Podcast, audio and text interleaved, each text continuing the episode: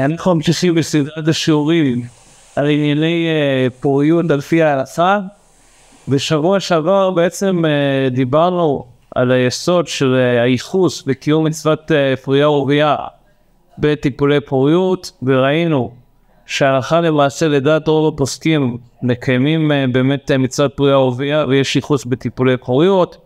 ראינו גם את הצורך בוודאות אה, שיהיה בעצם, אה, שאותו ילד יהיה, יתייחס אחרי אה, אביו, אחרי הוריו, וממילא את הנושא של ההשגחה ההלכתית, אבל לא דנו בכלל בעצם שאלת ההיתר לטיפולים כאלה, כי גם אם נגיד שיש ייחוס ושמקיימים בכך מצווה, האם אין בעיה שהוצאת זרע לבנטלה, בהוצאת זרע לצורך טיפולי פוריות, כי בסופו של דבר אה, טיפולי הפוריות לא מתרחשים בתוך גוף האדם, אה, ולכן נשאלת השאלה, מה דינה של הוצאת הזרע לצורך טיפולי הפוריות? אז אה, אפשר לשאול את זה בין השיטות שיש בזה ייחוס ויש קיום מצד פרי ערבייה, ובין השיטות שאין בזה ייחוס. הראשונים שבעצם נתנו את דעתם לשאלת ההיתר בטיפולי הפוריות היו המרשם מווזן הוא צד אחד, ושוב דיבר מלכיאלי מצד שני, כבר לפני יותר uh, ממאה שנה. Uh, המרשם בעצם אומר, מכיוון שכל איסור צד זה לבטלה, זה בעיה שמוציאים אותו לבטלה, אבל כאן לא רוצים אותו לבטלה. הרי מוציאים אותו לצורך קיום מצוות פריאה ורבייה, אם מוציאים אותו לצורך קיום מצוות פריאה ורבייה. ממילא אין כאן בעצם איסור של הוצאת uh, זרע לבטלה. יש כאן צורך קיום מצווה, זה בעצם אותו עניין שבשבילו בעצם מוציאים את הזה. ולכן לא ראו אתכם לסוף. אבל הדברי מלכיאל חלק. מה כתב הדברי מלכיאל? הרי האם הוא סבר שאין כאן מצווה ולכן הדבר אסור? אז קודם כל הדברי מלכיאל הודה שיש כאן ייחוס, ואם נולד מזה ילד, קיום מצוות פריאה ובריאה. ואף על פי כן הוא כותב שהדבר אסור. מדוע ולמה? מכיוון שאומר בואו נסתכל על רגע הוצאת הזרע. ברגע הוצאת הזרע מתקיימת מצוות פרי ערבייה? התשובה היא לא. המצווה מתקיימת ברגע שבעצם מכניסים אותו לאישה או ברגע שעושים את ההפריה ואחרי זה מכניסים את זה לאישה. לא ברגע הוצאת הזרע. ומכיוון שבשעת הוצאת הזרע עדיין לא מתקיים את המצווה. אז אנחנו נצלם את המצב באותו רגע. ואחרי זה שמכניסים את זה, שעושים את זה בסדר, זה כבר מעוות לא יוכל לתקול. חוץ מהרבה דברי מלכיאל, מי אומר שזה יצליח? הרי לפעמים אחרי שלוקחים את הזרע רואים שהוא לא טוב, או שמשהו קורה איזושהי תקלה, ובסוף לא הכניס אותו. אז מתברר בעצם שהייתה, לא היה שום מצווה כאן. ולכן יש כאן אה, לכאורה איסור. למה הדבר דומה? למי שמברך ברכה על פרי או לא אוכל מסוים כשהפרי איננו לפניו על דעת זה שאחרי הברכה יביאו אותו לפניו.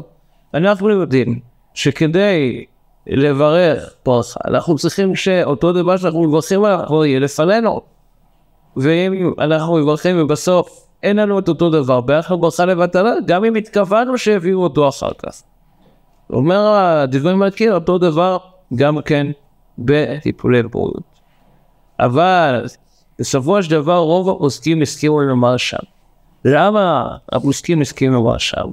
כי אמרו, כאן בעצם אנחנו מסתכלים על השאלה, מהי המטרה? עוד פעם, האיסור רוצה לזר לבטלה, אם המטרה היא לא לבטלה, אז יכול להיות שאחרי זה תקרה תקלה. יכול להיות, נכון שבאותו רגע אנחנו לא מכניסים את הזרע, אבל עדיין, מכיוון שהמטרה שלנו זה מטרה לצורך פוריות. כשהמטרה היא לצורך פוריות, ממילא, אז המטרה היא לשם מצווה, ורגע הוצאת לזרע היא לשם מצווה, ויש בזה גם כולה וגם חור. כן, מה כולה? לפעמים, בגלל כל מיני חששות מסוימים, אומרים לאדם, כדאי לך עכשיו להקפיא זרע, אולי יהיה בו שירוש עתידי. טוב, אז הבן אדם בא ושואל ואומר, אני לא יודע מי יש שימוש עתידי, אני מקפיד לצורך לשם שימוש עתידי. יכול להיות שבסוף הצורך הזה לא יתקיים. כן? האם מותר לי לעשות את זה? יותר מזה, אם הצורך הזה לא יתקיים בסוף, ויש לנו זרע קפוא, ואין מה לעשות איתו, האם לזרוק אותו יהיה הוצאת זרע לבטלה, או שיהיה מותר לזרוק אותו כי ממילא אינו שימוש? לפי מה שאמר, התשובה תלויה בשאלה, מה הייתה המטרה שלשמה הוצאת? אם הוצאת כדי שיהיה אפשרות להשתמש בזה, ויש סבירות שישתמשו בזה, ממילא הוצאת לשם מצווה, לשם צורך, וגם אם בסוף לא ישתמשו בזה, זה בסדר, אתה קיימת את המצווה. יותר מזה, גם אם לא יהיה בזה שימוש בסוף גם מותר להשמיד את זה, כי האיסור לא הרגע שבו הזרע נמצא בחוץ ומשמידים אותו, הכל תלוי בשעת ההוצאה. ויש בזה גם חור. מה קורה אם בן אדם הוציא זרע לבטלה? ואחרי שהזרע בחוץ, הוא פתאום חושב, אוי, אני רוצה לחזור בתשובה לתקן את החטא שחטאתי. האם זה יעזור עכשיו שהוא ייקח את הזרע וישתמש בו לצורך טיפולי פוריות? התשובה היא לפי שאמרנו היא שלא. כי אנחנו מדברים ברגע ההוצאה מה הייתה המטרה, אם המטרה הייתה מטרה לבטלה. גם אם בסוף הצלחת איכשהו למצוא דרך להשתמש בזה, כנראה שלא יתוקן האיסור. יש סוברים שכן בכל זאת אפשר אה, לעשות איזשהו צל של תיקון בזה, אבל הדעה המקובלת היא שבאמת הכול הולך לפי שעת ההוצאה. עד כאן דיברנו בעצם על עצם ההוצאה. צריך רק להמשיך שיש סוברים שאפילו לדעות שלא מתקיים מצוות פריאה ורבייה, או שמפקפקות בחוש הילד, עדיין הדבר יהיה מותר, כי גם אם לא, לא מתקיימת מצווה, הזרע לא הולך לבטלה, הוא הולך לשם שימוש בו. גם אם השימוש זה לא מצווה, עדיין אין כאן בטלה ולכן לא יהיה איסור. אבל שאלה נוספת, שבעצם אנחנו צריכים לשאול, זה האם מותר להוציא את הזרע בכל דרך שם? מה בעצם המקור לדון בסוגיה הזאת? יש לו גמרא ביבמות. הגמרא ביבמות דנה באדם שיש חשש שהוא כרות שופחה, ואנחנו רוצים לברר האם הוא כרות שופחה ואסור לבוא בקהל, או שהוא איננו כרות שופחה ומותר לבוא בקהל. אומרת הגמרא, בואו נעשה איזשהו ניסיון, נשים לחם שעורים חר מאחורי המקום, אחרי האיבר, והחמימות הזאת תגרום לו לראיית קרי, וככה נראה בעצם מאיפה שהקרי יוצא, אם הוא קרות שופחה או לא אה, קרות שופחה. שואלת הגמרא, למה צריך לעשות מעשה כזה? אולי נסתפק בלהעביר לפניו בגדי צבעונים של אישה ומתוך ההתרגשות שהזאת יצא לו, זה עובד, כלומר, לא כל אחד הוא במצב כזה שבו רק ראיית בגדי צבעונים כבר תגרום על הוצאת זרע, וזה לא יעיל אה, לכולם. מה אנחנו לומדים מהגמרא הזאת? כי בעצם אנחנו לומדים ממנה כמה דברים. א', שכדי אה, לראות אם בן אדם מותר לעבור בקהל, מותר בעצם לגרום לו להוצאת זרע, שוב, אפשר להגיד, כי זה לא לבטלה, זה נועד בעצם לצורך של מצווה, קיום מצוות ברוך הוא בעתיד, להתיר אותו לאכול בקהל. כן. דבר נוסף, אנחנו רואים שלא התירו לו להוציא זרע בידיים, אלא רק לעשות איזשהו מין הוצאת זרע בגרמה. דבר שלישי, אם אפשר לעשות בגרמה רחוקה יותר מבחינה מציאותית, עדיף לנו לעשות את זה בגרמה רחוקה יותר, ורק אם אין לנו אפשרות לעשות בגרמה רחוקה יותר, עושים בגרמה קרובה. זה מה קורה אם אי אפשר לעשות בגרמה? האם נתיר להוציא זרע בידיים כשאי אפשר לעשות uh, בגרמה? בזה נחלקו גדולי עולם, השאלת יבץ מצד אחד, והים של שלמה המהרש"ל מצד שני. היה וצומר כאשר אין דרך אחרת אפשר להוציא את הזרע גם בידיים.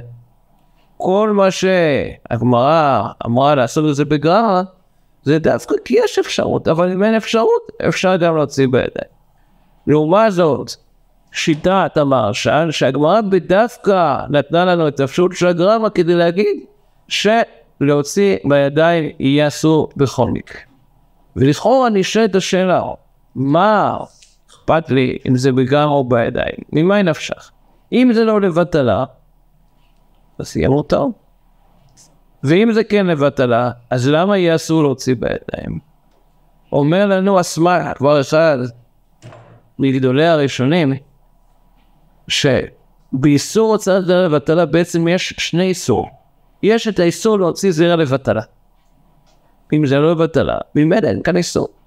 אבל מעבר לזה, יש איסור נפרד, והוא טוען שזה נכלל בגדר איסור לא תנאף, יש לו מקור בדברי חז"ל בנידה, שאיסור הוצאת זרע בידיים הוא איסור בפני עצמו. הוא לא תלוי בשאלה אם האיסור הוא לבטלה או לא, אלא זה מדובר באיסור בפני עצמו. ומה למעשה? למעשה בעצם נחלקו בזה גדולי עולם. דעת האחייזר, רב חיים רויזר גודלסקי, שאומנם לכתחילה כשמוציאים זרע לצורך פוריות, צריך להוציא את הזרע בדרך שקרובה לדרך של סיישות. מה הדרך הכי קרובה לאופן הטבעי? יש שני אופנים, או אופן אחד, לשים אה, קונדום שהוא אה, סטרילי, לא מכיל בתוכו חומרים שפורים בזרע, שומר על הזרע, לקיים חיי אישות איתו ועם הזרע שיהיה בפנים, איתו להשתמש לצורך טיפולי הפוריות, נא לשים לב. באופן רגיל כמובן שמדובר באיסור, כי אף על פי שזה האופן של חיי אישות, יש כאן הוצאת זרע לבטלה, אבל כאן כשמדובר לצורך טיפולי פוריות, הוצאת הזרע איננה לבטלה. איננה לבטלה, אין בה איסור. אה, נגיד, עדיין יש את הבעיה של עצם האיסור להוציא זרע בידיים. כשעושים את זה בדרך של חיי אישות, עם אותו בונות, פותרים את האיסור הזה. אפשרות אחרת, זה לעשות את זה באופן שחז"ל מכנים דש מבפנים זרוע מבחוץ. באופן רגיל, האופן הזה שבו מצליחים חיי אישות רגילים, ואז הבעל יוצא ומוציא את זרעו בחוץ, הוא כמובן איסור חמור ביותר, מה קוראים לו מעשה ערב ועונה. אבל כאן, כשמדובר לצורך שימוש בזרע, זה לא לבטלה, אין כאן בעיה. ומצד שני, זה כן נעשה בצורה של אישות, בצורה טבעית. כולם מסכימים שהדרך הזאת היא לכתחילה דרך הנפש, אבל מה עורק שאי אפשר? לדוגמה, רק שהולך לעשות כל מיני טיפולים שעלולים לפגוע בזרע שלו באופן אה, לצמיתות, ואין אה, דרך אחרת להוציא את הזרע. האם יהיה מותר להוציא את הזרע בידיים או לא? לדעת אחיעזר במצב כזה יהיה מותר. לעומת זאת, לדעת האגרות משה, במצב כזה יהיה אסור להוציא את הזרע בידיים, כי הוא סובר שאיסור את הזרע בידיים זה איסור נפרד, והוא לא מותר גם כשיש צורך של שימוש בזרע. אז מה יעשו לפי אגרות משה? אומר אגרות משה, נכון שהגמרא אומרת שלהוציא זרע בכוח המחשבה, בגדי צבעונים וכדומה, זה משהו שרק בודדים, רק אנשים שהם שטופים בזימה זה יגרום להם. מהגוד משה היום דורנו הוא דור עני. רוב האנשים היום בפועל כן יצליחו להוציא זרע כך. בכל אופן, גם אם לא מצליחים, יש להם אפשרות באמת לכל מיני מכשירים שהם עושים את הוצאת הזרע בגרמה, ולפתור את הבעיה גם כן לפי האגרות משה. וגם אחיעזר יודע שזה עדיף מאשר להוציא זרע בידיים. אבל שוב, כל זה כשאין אפשרות אחרת. כשיש אפשרות אחרת, כשמדובר בבעל נשוי ואשתו בטהרתה, ודאי שלדעת כל הפוסקים, הדרך הכי טובה להוצאת הזרע לצורך הטיפולים, היא באופן שקרובה כמה שיותר לדרך הטבעית, דהיינו באופן של חיי אישור, רק שהוצאת הזרע איננה בדרך הרגילה, כדי שאפשר יהיה להשתמש בזרע. ומה קורה אם עושים את הטיפול בזמן שאישה איננה בטהרתה? האם יש בעיות נוספות מעבר לשאלת הוצאת הזרע? על זה נדבר בעזרת השם בפעם.